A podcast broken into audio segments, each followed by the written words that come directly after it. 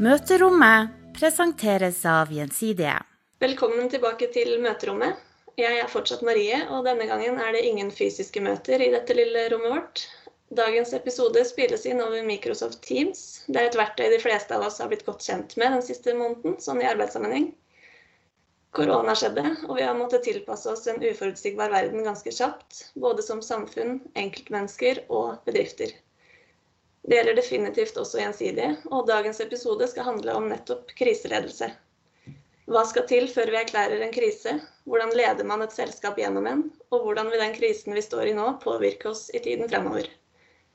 Med meg for å snakke om det har jeg Øystein Thoresen, kommunikasjonsdirektør i Gjensidige, og Ole Hermansen, direktør for utredning og kriseleder i Gjensidige. Velkommen til møterommet, begge to. Takk for det.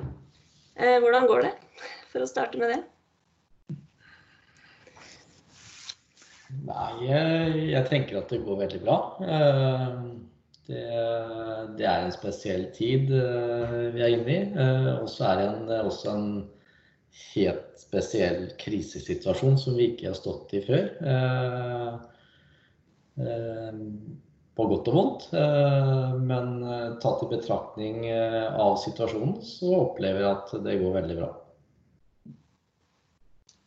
Ja, jeg må bare supplere på det at det er en, det er en uvirkelig eh, situasjon, men samtidig noe man har tilpasset seg over tid, som eh, for så vidt fungerer eh, greit. Det var i hvert fall veldig uvirkelig den dagen det hele startet, eller de dagene det startet opp. Men akkurat nå så føles det jo akkurat som dette er den nye normalsituasjonen, egentlig. Så vi får se hvordan fremtiden blir. Hva er det dere savner mest fra livet før korona, sånn uavhengig av jobb? For min del så må det jo være mm, først og fremst eh, fysisk kontakten med, med, kollegaer. At man altså, ser dem i virkelig livet. Men det har jo fungert veldig godt med alle disse digitale verktøyene våre. Så det, sånn sett så har det gått fint, men jeg savner jo Eh, fysisk kontakt med kollegaer og, kontoret som sådan. Ja. Menneskene rundt. Det er jo den uh, mellommenneskelige dimensjonen som blir borte. Det å ikke ta hverandre i handa, hilse hverandre velkommen eller gi, gi hverandre en klem, som på en måte litt, uh, blir litt fjernt og litt sånn uvant for oss. Uh, og det er klart å ikke møtes fysisk hver dag er jo også en helt annen situasjon, hvor man må prøve å håndtere oppgavene. løser vi, men vi løser dem kanskje på en litt annen måte enn det vi er vant til. Og så, og så blir jo etter hvert det den nye normalen, da, i hvert fall en, for en stund. Og så får vi se hva det vil endre oss på på sikt. Ja, det skal vi snakke om litt senere. Eh, jeg hadde egentlig et første spørsmål, men nå sa jo det, du sa det du, Ole, at vi har ikke opplevd noe lignende før. Jeg hadde tenkt å høre om dere har opplevd noe Har det vært noen tiltak i det hele tatt? F.eks. rundt svineinfluensaen som var i 2009? Eller var det ingen tiltak som ble iverksatt da? Jo, eh, det ble jo iverksatt smittereduserende tiltak den gangen, men ikke, vi ble ikke satt noen krisestab i den forstand. Det ble jo håndtert en del av eh, det lokale Kvistinget HR og på en måte gjort en del tiltak på bygget, husker jeg. Men ikke, ikke det omfanget som det er nå. Eh, og, så det er en helt annen setting enn det vi har vært vant til tidligere. Vi har jo hatt situasjoner i selskapet hvor det har blitt satt krisestab eh, i andre, i andre sammenheng, men, eh, men, kanskje ikke i det omfanget. Og, og, men da med hendelser som har vært mye mer konkrete. Det som er veldig spesielt nå, er at det er, det er både ukjent. Eh, vi har hatt planer for pandemi, men, men allikevel så er dette her Det er mye ukjent. Det er en det er en situasjon som man ikke kan ta og føle på sånn direkte. Så man vet ikke hvordan man vil utvikle seg. Og man er jo i en situasjon hvor man, man går og venter på ting skal skje. I en, en normal krisesituasjon så har jo hendelsen allerede oppstått. Og så skal man håndtere det som skjer der. Men her går vi på en måte sakte, men sikkert venter på noe som skal treffe oss. Og så vet vi ikke helt i hvilken grad eller hvordan, hvilken impact den får både for forretningen, våre ansatte og samfunnet for øvrig. Da.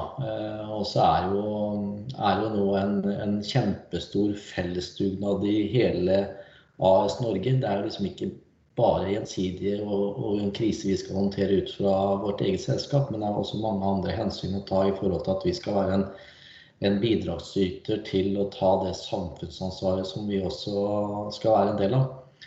Det er jo det er helt nytt. Det er jo ikke noe som vi har vært forberedt på eller har liksom kunnet se inn i glasskulen at dette er en situasjon vi ville stå i. Um, ja, for Vi har vel hatt eh, kriseøvelser i Gjensidige, men da har det stort sett vært på enten hacking eller ulykker, og det blir jo litt annerledes igjen. Ja, det, det er, kan du få supplere på det. Jeg syns eh, Ole setter gode ord på dette. fordi vi har jo trent godt på uforutsette hendelser, og det, det, det syns jeg vi merker at vi, har, eh, at vi har trent godt på det. Men, men, det som var veldig spesielt her, var jo at dette ble en helt annen type hendelse. Vi har trent på hackerangrep og vi har trent på, på store ulykker som kan inntreffe. Men, eh, men, dette var jo noe helt annet. Og, men likevel så ser vi at vi, vi får jo veldig stor glede av, av, at vi har nettopp har trent på dette. Eller trent på å håndtere situasjon, vanskelige situasjoner. Selv om dette ble noe helt annet. Og så treffer det jo hele samfunnet og hele, hele kloden dette her. Det er ikke bare noe som treffer gjensidig, og det gjør det også litt annerledes. fordi vi har jo stort sett trent på ting som treffer selskapet isolert sett. Da. Mm. Ja, det treffer jo hele samfunnet. Hva er det som skal til før eh, vi som selskap definerer at nå er det en krise, nå må vi sette krisestab? I starten var det jo bare noe vi leste om i media, dette koronaviruset. Eh, Ole, hva er det som skal til før vi definerer en krise i et selskap? Nei, det, det, kan jo variere litt i forhold til hvilken setting man står i. Men, men det er klart, det er jo, det er jo graden av hvor det, hvordan det her vil treffe oss som selskap. Enten at det vil berøre våre ansatte direkte, fare for liv og helse, eller at det vil utgjøre en, en betydelig risiko for forretningsvirksomheten vår. Og i denne settingen som vi er i nå, så har det jo vært Eh, det er både hensynet til eh, helsen til våre ansatte, det er samfunnsansvaret som vi skal være en del av, Den felles dugnaden som regjeringen har oppfordra til. Men så er det også den forretningsmessige delen. Da. Hvordan vil dette her treffe oss når vi vet store deler av næringslivet vil slite? Hvordan vil det påvirke trykket på skade i forhold til reiser, avbestillinger? Og det var vel det som var utslagsgivende her, når på en måte regjeringen nå bestemte seg for å, å, å, sette stort fokus på det i samfunnet og, være, og forberede seg på det som kommer, så, så, var det helt klart gitt at vi må også måtte være med på den, den, delen. Det hadde jo vært satt et kriseteam i HR. Det lokale kriseteamet i HR var jo satt lenge før man etablerte det, det overordna kriseteamet. Så de hadde jo jobbet en god stund med dette her, med å ivareta smittevernhensyn og forberede seg på, på hvordan man skulle ha disse reglene in-house. da. så det var gjort mye i forkant før på en måte det kriseteamet ble, ble satt på agendaen. Så ja. Er det mulig å forklare litt hvordan en sånn krisestab fungerer? En slags oppskrift eller tidslinje? Hvem er det som må, på en måte ringer i bjella? Uh, ja, det er uh, Det er en uh, det er Ja, jeg kan prøve å forklare. Det er jo sånn at i, i Gjensidig så har vi jo flere kriseteam. Altså man har kriseteam, skråstrek det vi kaller for beredskapsteam, eh, som er eh, team som på en måte er mye tettere på den delen av forretningen. F.eks. For hos Øystein i Info så har man et eget kriseteam på informasjonsavdelingen. Eh, og i HR så har man et eget kriseteam. Man har egne beredskapsteam i de forskjellige forretningsområdene.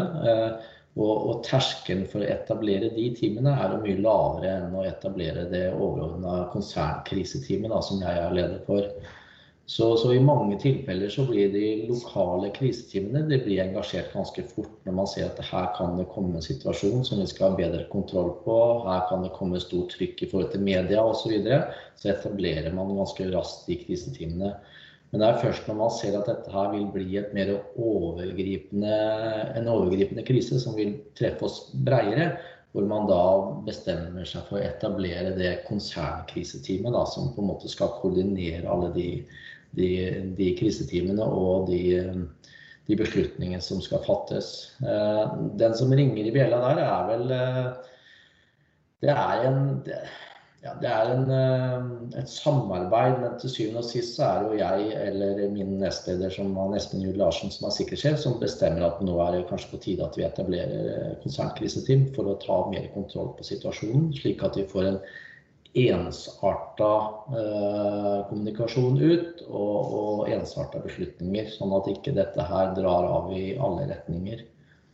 Så, så, det var til Man så ganske kjapt at det var fornuftig å gjøre når man så også hva som skjedde ellers i, i samfunnet og hvordan dette utvikla seg. Så var det ganske klart at dette må vi, nå må vi få samla trådene. Nå må vi på en måte ta en, en felles retning på dette, slik at man ikke f.eks. privat går i en retning, næringsliv går i en retning, konsernstab går i en annen retning, og så blir det fullstendig kaos. Det blir dårlig kommunikasjon ut til de ansatte. Så, så det, det, er liksom det det handler om. da. Dette vil treffe oss på alle områdene. Da er det viktig at vi får samla trådene. Eh, og så er det jo sånn at eh, Konsernkriseteamet er jo det er på en måte det fellesorganet hvor man har faste møter med de underliggende teamene. Eh, til å begynne med så har man det daglig, kanskje flere ganger om dagen også, litt avhengig av hvor intens den krisen man står i er. Eh, og så har man jo da en rapportering til eh, det man kaller for strategisk kriseteam, og det er konsernledelsen. Eh, er det ting som man mener er viktig å ta beslutninger på, eh, og det må skje kjapt, så gjør man det i konsernkriseteamet. Da har man et handlingsrom, man har et beslutningsmandat til å fatte ting der og da. Men er det ting som er veldig inngripende for driften vår, eller ting som på en måte er veldig sånn konsernovergripende, så løfter man den beslutningen inn til KL og med en anbefaling på, på, på hva man eh, mener man beslutter av eventuelle tiltak. Da. Så det er et sånt hierarki man jobber etter. Eh, så på en måte behov, eh, forslag anbefalinger på tiltak kommer jo ofte som et ønske eller et uttrykk for, eh, for eh, ting som man ønsker å få gjort ute i forretningen. Og så på en måte samler man trådene, og så tar man noen beslutninger i konsernkristime, og så løfter man de største beslutningene opp til konsernledelsen. Hvilke roller finner vi i en typisk krisestab? Hvilken kompetanse, hvilke nøkkelpersoner inngår i en sånn stab? Ja, nå sitter jo fra informasjonsavdelingen, så Øystein er jo en del av det. Og sammen med Kristian i den setninga. Så ofte så er det flere fra informasjonsavdelingen som på en måte For kommunikasjon er jo alfa og omega eh, for å få ting ut og få på en måte forretningen eller selskapet til å gjøre som man mener er riktig. Eh, det sitter eh, lederen for eh, kriseteamet til HR sitter her. Det sitter jo lederne til de lokale kriseteamene i forretningen sitter jo som en del av konsernkriseteamet. Og så er det jeg da som, som leder med, med, den bakgrunnen jeg har i forhold til eh, erfaring fra krisehåndtering i politiet og den biten der. Og Espen fra, fra sikkerhet. Eh, og det sitter folk fra IKT. Så det er egentlig nøkkelen nøkkelkompetanse fra hele forretningen som på en måte blir en del av eh, kriseteamet. Og så er det litt avhengig av hvilken krise man står oppe i, hvor mange da som man velger å dra inn i konsernkriseteamet. da. Eh, hva, hva, er din rolle, Øystein? Hva gjør du som konkrete oppgaver? Hva er det du får ansvar for? Å... Ja, det er jo Jeg kan jo først, først si det at um, når det gjelder sammensetningen av det krise Eh, teamet så er det jo veldig tydelige roller eh, som sitter der.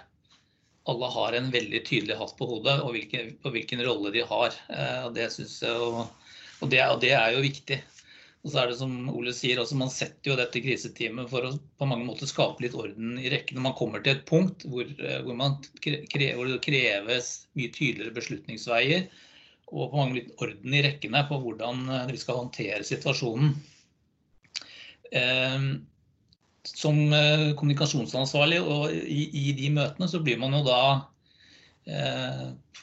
veldig mye sittende og lytte til, til det, hva som skjer, og samle tråder på hva er det som egentlig er situasjonen, hva er det som foregår, hva er problemene våre, hvordan, og hvordan til syvende og sist skal vi eh, kommunisere dette ut i organisasjonen på en, på en, ryddig og skikkelig måte.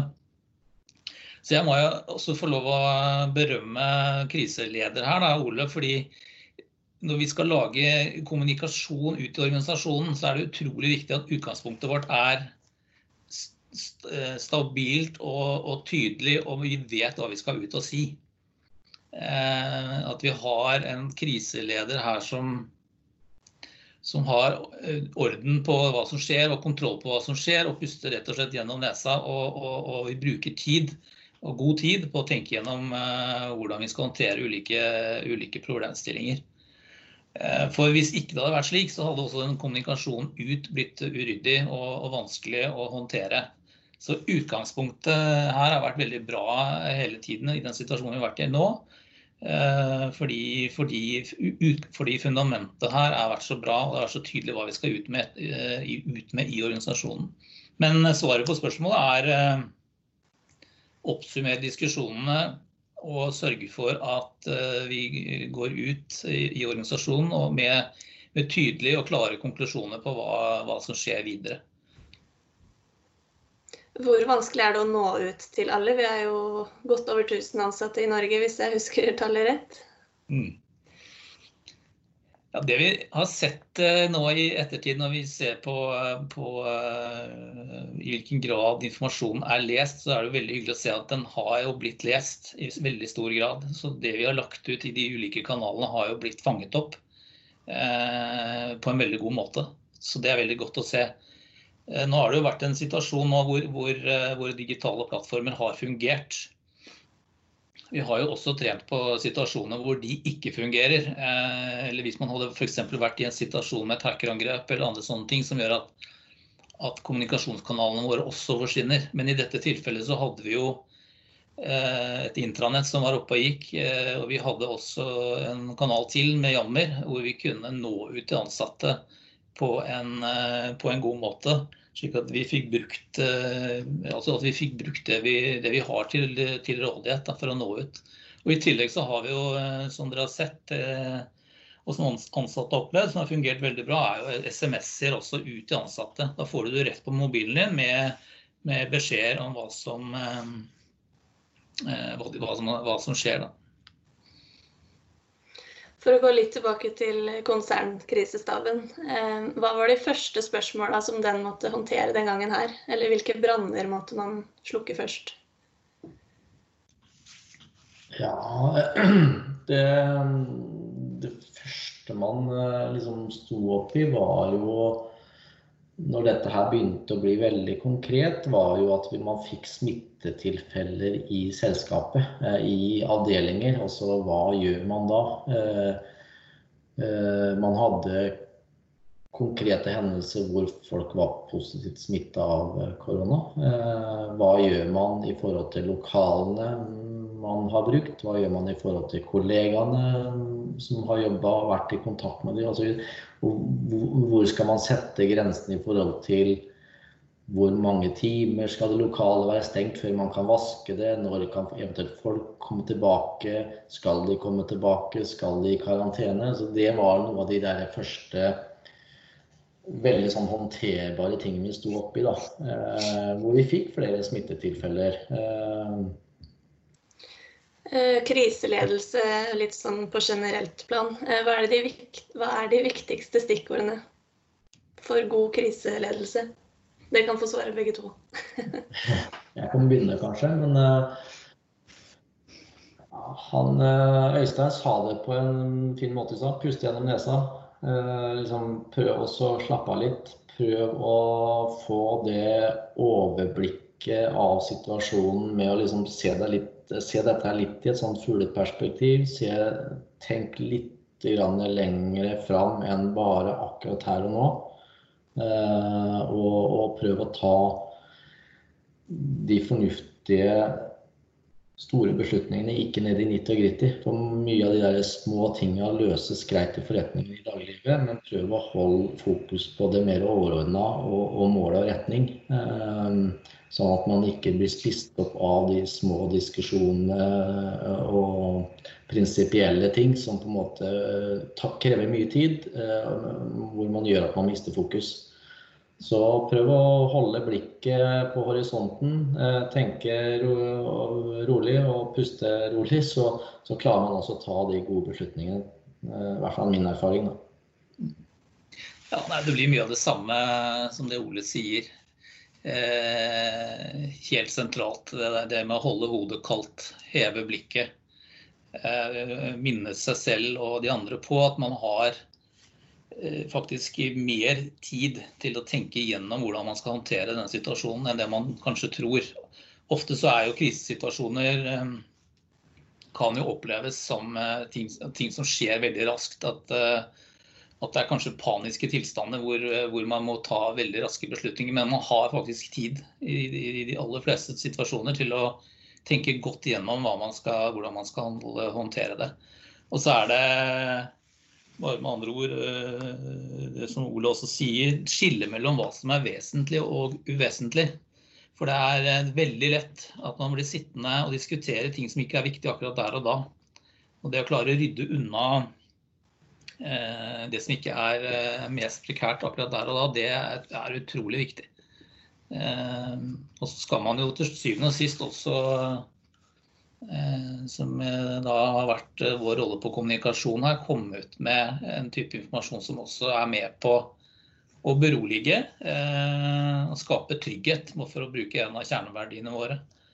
Det tror jeg er en av de viktigste oppgavene som et sånt kriseledelse eller kriseteam har. Nå har vi jo virksomhet i seks forskjellige land, og myndighetene i ulike land har valgt å håndtere koronakrisa på ulikt vis. Ehm, hvilke utfordringer får gjensidig oppi det her, som skal lede et selskap i forskjellige land med forskjellige myndigheter? Ja, det er jo en, det er også en sånn balanseøvelse i forhold til eh, hvor styrende man skal være fra Norge f.eks. når man har et konsernkriseteam som på en måte skal sette standarden for hva vi ønsker i, i selskapet bredt. Eh, og så har man da tre forskjellige land eh, hvis man velger å holde Baltikum litt på, på siden. da. Men man har Norge, Sverige og Danmark som, hvor Norge og Danmark i stor grad har valgt samme strategi, med noe litt forskjellig tilnærming på, på nivået på enkelte ting. Så er man veldig sånn omforent over hvordan man skal angripe dette her fra, fra myndighetenes side. Eh, mens Sverige da har valgt en helt annen strategi. Eh, og det er klart, det, den balansen der med å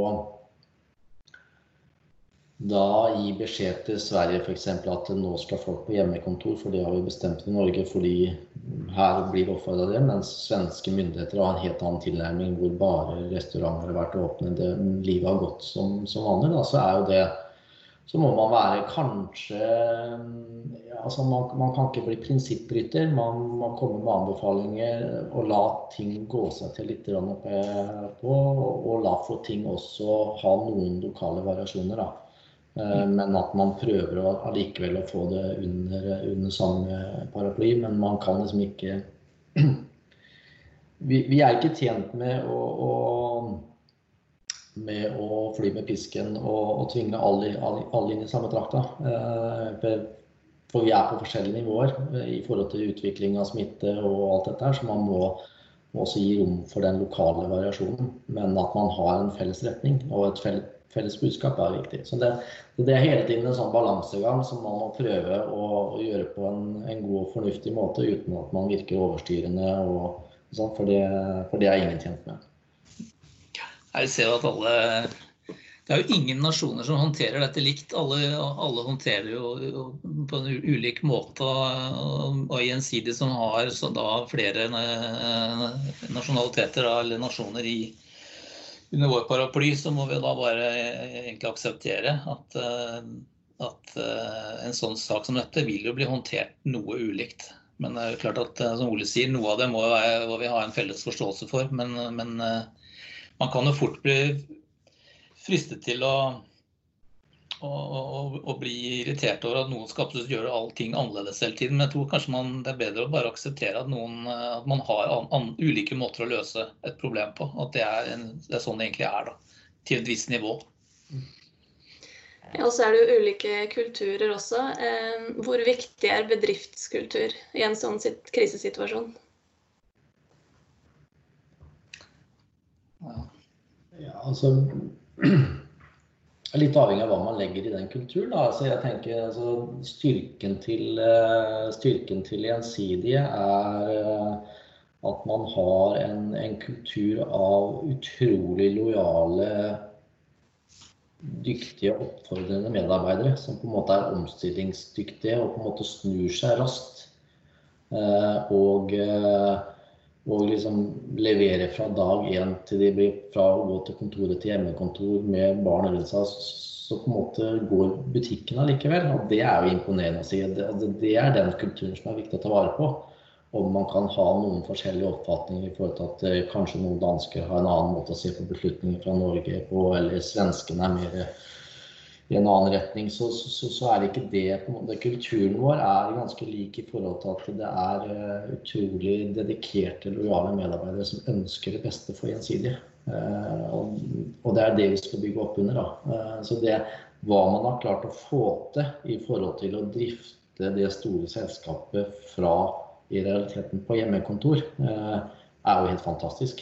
Uh, og hvordan man raskt tar i bruk nye arbeidsverktøy i forhold til bruk av Teams, eh, i forhold til å jobbe på en helt annen måte, er jo helt fantastisk. Eh, når jeg hører når vi snakker med IKT nå i forhold til Vi har ganske mange store prosjekter som, som er løpende. som er liksom, er Hvordan går det med disse prosjektene nå med kjernesystem, med samarbeid med folk i Israel og andre deler av verden? Og tilbakemeldingen er at de går jo bedre enn de gjorde før.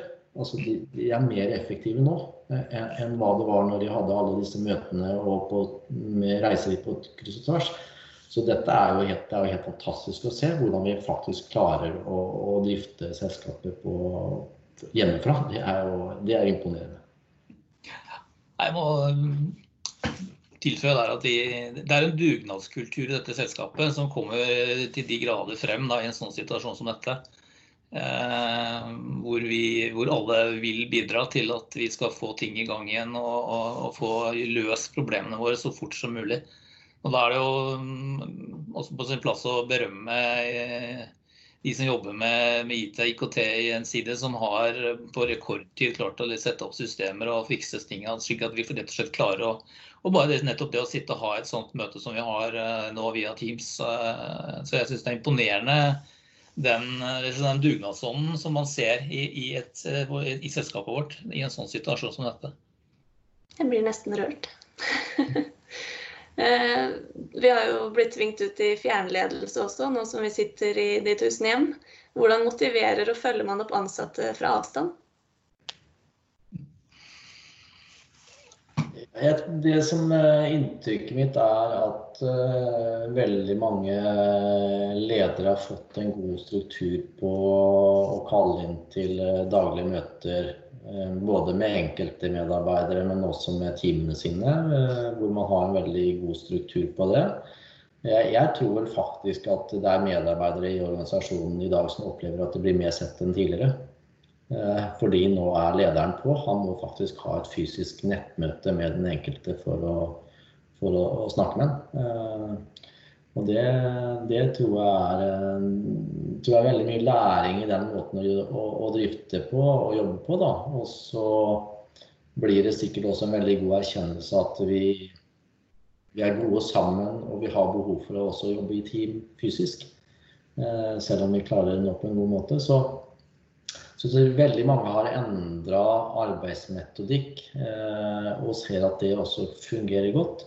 Forhåpentligvis så vil man dra med seg noe av dette her inn i, inn i arbeidshverdagen når den normalsituasjonen forhåpentligvis kommer tilbake. Så, så, så, vil man ta med seg kanskje de positive tingene her, og at man kanskje kan eh, fortsette å bruke mye av det, de verktøyene som vi bruker i dag, som vi ser fungerer godt. da. For Det er jo ganske mange ledere i Gjensidige også som har personer som sitter på andre lokasjoner enn seg selv. Så det er en fantastisk måte å følge opp og på en måte være synlig på. Så tror jeg vi har fått rydda bort mye møter som kanskje ikke var nødvendig å ha. Møtene våre blir mer effektive. Når man kjører møter på Teams, så ser vi at de blir både kortere, mye mer konkrete. Man snakker ikke munn på hverandre. Og man er mye mer rett på på det man skal på en måte snakke om. Man er bedre forberedt. Så det er masse, masse, læring i dette her. og det tror jeg, Hvis du spør andre ledere, så tror jeg de vil fort kunne svare at dette har vært positivt på mange måter. Eh, det, det, som var gøy, det som var gøy, vi så jeg fikk eh, My Voice ble jo sendt ut i går. Eh, ja, det er vår medarbeiderundersøkelse. Bare så ja. lytterne får med seg det. Eh, og før klokken 11, 5 på 11 så tror jeg det var godt over 800 som hadde svart på den eh, undersøkelsen. Og, og gjennomsnittsscoren var på 9 og over 9. Eh, og det er jo fantastisk resultat i seg selv. Og det mye av de spørsmålene relaterer seg til, til om man får den informasjonen som man har behov for, hvorvidt man føler at man har gjort de riktige grepene osv. Så, videre. så Så det bevitner jo at man har lykkes lykkes med å snu måten å drive selskapet på, og at de ansatte føler den tryggheten. Da, at de føler at, eh, at, man får den informasjonen man har, har behov for, og er ivaretatt. Det skaper, jo, det skaper jo, en god plattform for eh, videre drift. Da. Så det, det er, Jeg gleder meg til å se på det endelige resultatet av den, men det gir en god pekepinne om vi har klart å ta den operasjonen på en god måte. Det, utgangspunktet ser i hvert fall veldig godt ut. Har du noe å legge til, Øystein, på ledelse? Jo, jeg tror dette med som du startet med, rundt ledelse og det å lede personer som du da ikke ser fysisk hver dag, men, men gjennom digitale kanaler. Altså det er jo en, det er en ny, ny, øvelse som, som, da har akselerert, men som på mange måter også har gitt, som Ole også sier, veldig positive effekter. Det er, eh, det, er, det er, kanskje flere møter, men de er kortere og de er mer effektive, og, de, og det tas beslutninger. Eh, det er, eh, for å si det rett ut, det er, vel, det er dårlige tider for, for møteplagere og tidstyver i, disse, disse, i, den perioden vi er i nå. For det, har man på mange måter litt mindre tid til. Så, og man ser man ser medarbeiderne sine eh, og kollegaene sine på kanskje på en litt annen måte enn det man har gjort eh, før, for nå treffes vi på PC-skjermen. Eh, og det er, det er, annerledes. Men det er også veldig, veldig lærerikt. Og når vi nå, nå, til slutt også treffes på kontorene, forhåpentligvis en, en, eller annen gang i fremtiden, er fremtid, så får vi jobbe, så, så så tror jeg vi kommer til å omgås også der på en litt annen måte. Hvordan, det vet jeg ikke, men, eh, men eh, eh, det er i hvert fall en For å ta opp et annet, annen av våre, eller annen ting vi er opptatt av rundt ledelse i en side, dette med tillit. Skal man lede personer på avstand og via digitale kanaler, så kreves det stor grad av tillit. og den den tror jeg vi også får bekreftet at den, den, den, det, akkurat det med tillit er godt ivaretatt også i dette selskapet. Så det er ingen som Alle vil gjøre noe, alle vil være med, og alle vil hjelpe til, og, og alle vil jobbe.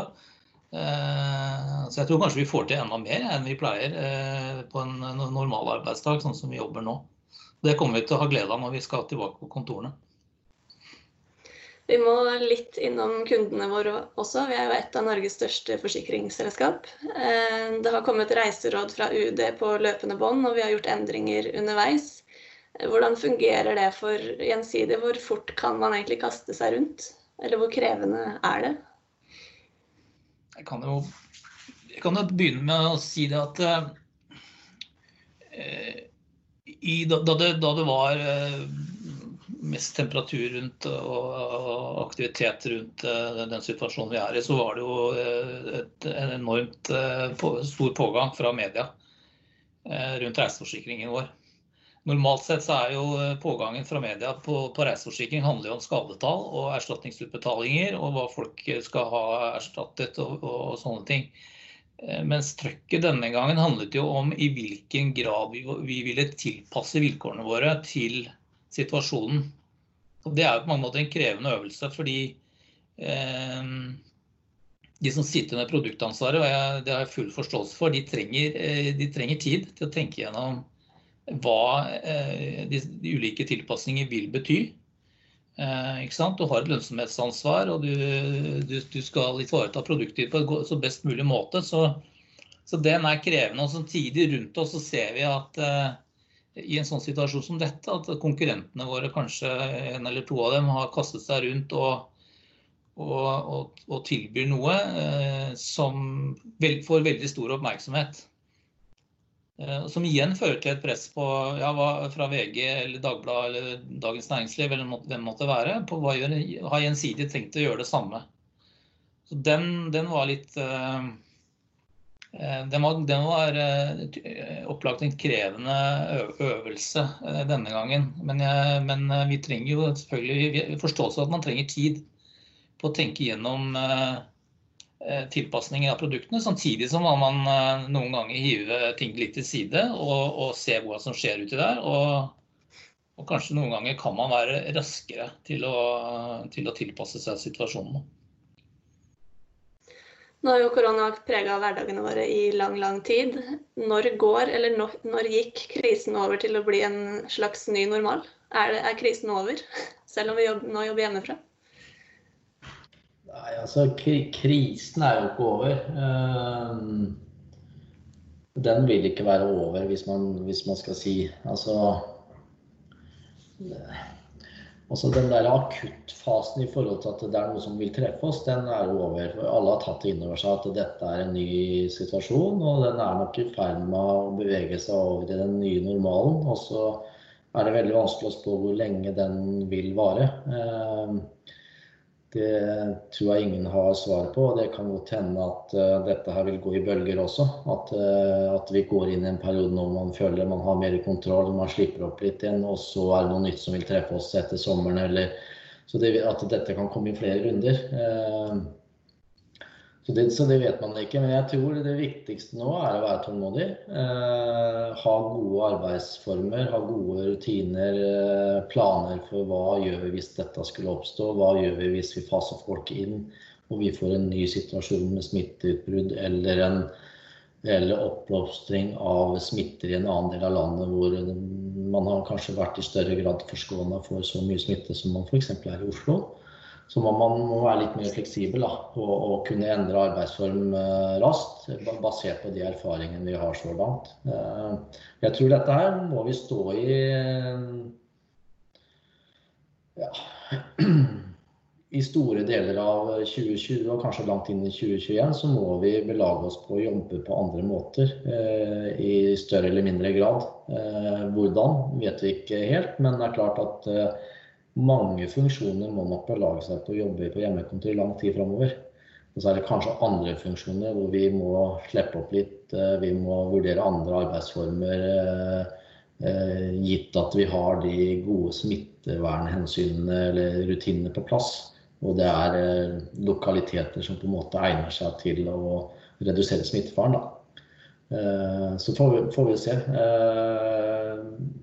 sånn Inntrykket mitt er jo at uh, man har vært utrolig flink både innad i selskapet vårt, men, men også hele samfunnet. AS Norge har jo virkelig tatt den dugnaden på alvor, som har gjort at man da har tilsynelatende i hvert fall en god kontroll på situasjonen, og, og smitteraten er uh, fallende. Men, men, den situasjonen snur seg ekstremt fort hvis vi blir utålmodige nå og begynner å bli uforsiktige og tenker at nå er faren over, for det er det ikke. Dette her vil eh, garantert treffe oss hardt og brutalt igjen hvis vi ikke, hvis ikke vi på en måte har klart å skape den endringen til, en, til noe varig. Da. Eh, og så får man se når. Man vet først kanskje utover høsten på, på, hvordan ting vil eh, se ut. Men jeg tror ikke vi har det svaret nå før sommeren. Det tror jeg ikke vi har. Nei, Det har vært en bratt lærekurve, ikke minst for myndighetene våre, som skal håndtere sånn, noe sånt som dette. Men samtidig har allerede nå skaffet seg ganske mye erfaring på noe som de var helt ukjent med. Eh, som i hvert fall gjør meg optimist på fremtiden. Verden har en, en usedvanlig stor evne til å klare å rydde opp og ordne opp og komme seg på beina igjen. Og det, det, selv om det kommer til å ta tid. Men eh, jeg tror både Gjensidige og, og resten av samfunnet vi er en del av, kommer til å komme styrket ut av ut av det vi er inne i nå. Da kan jeg bare ta et spørsmål helt til slutt. Vi har snakka litt om kriseøvelser i Gjensidige. Hvis det her hadde vært en øvelse, hvilken karakter hadde vi fått da?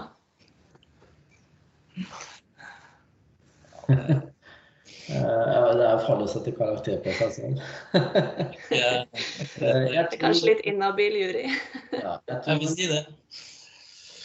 Forhåpentligvis så vil, vil besvarelsen gjennom medarbeiderundersøkelsen gi oss en god pekepinn på hvorvidt vi har klart å skape den tryggheten, balansen i selskapet i forhold til hvordan den enkelte både blir ivaretatt og har gode arbeidsforhold føler seg ivaretatt. Så vil jo resultatene våre som selskap si noe om vi også har klart å drifte selskapet på en god måte. Man vet jo ikke hvordan det som er ellers i samfunnet vil treffe oss rent sånn økonomisk. Men det vil i hvert fall gi en pekepinn på om vi har klart å opprettholde produksjonen på et, et nivå som er akseptabelt. At man skal tro at man klarer å være helt top notch eller bedre resultater enn før dette traff oss, det er vel kanskje litt utopi. Man må ta inn over seg at man kanskje i en periode vil ha noe redusert aktivitet. Men når man ser på hva vi klarer å levere, så er det utrolig hva vi har klart å få til allikevel. Så, så det er kanskje en sånn gode pekepinner på om vi har klart å gjøre det riktige valget. da. Og ikke minst at vi unngår store smitteutbrudd i, i, selskapet, unngår at våre ansatte blir syke eller dør.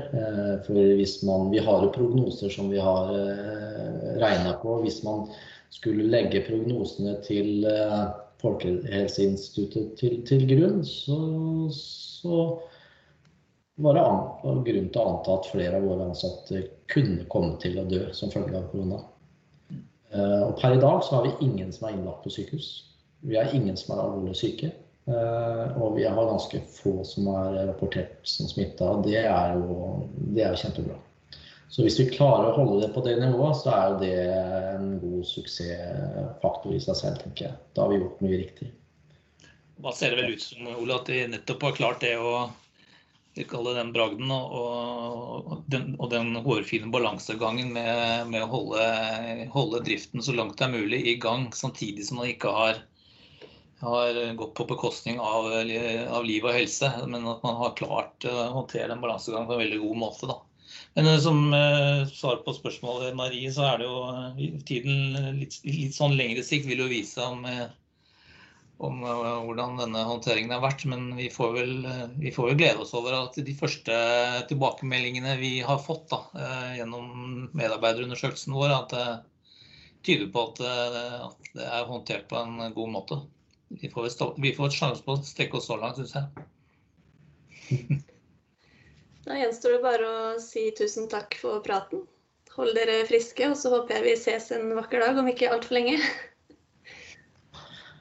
Det gjør vi helt sikkert. Og tusen takk til alle i selskapet som har bidratt. For det, det er dem som fortjeneste at dette går bra. Det er nettopp det. Takk.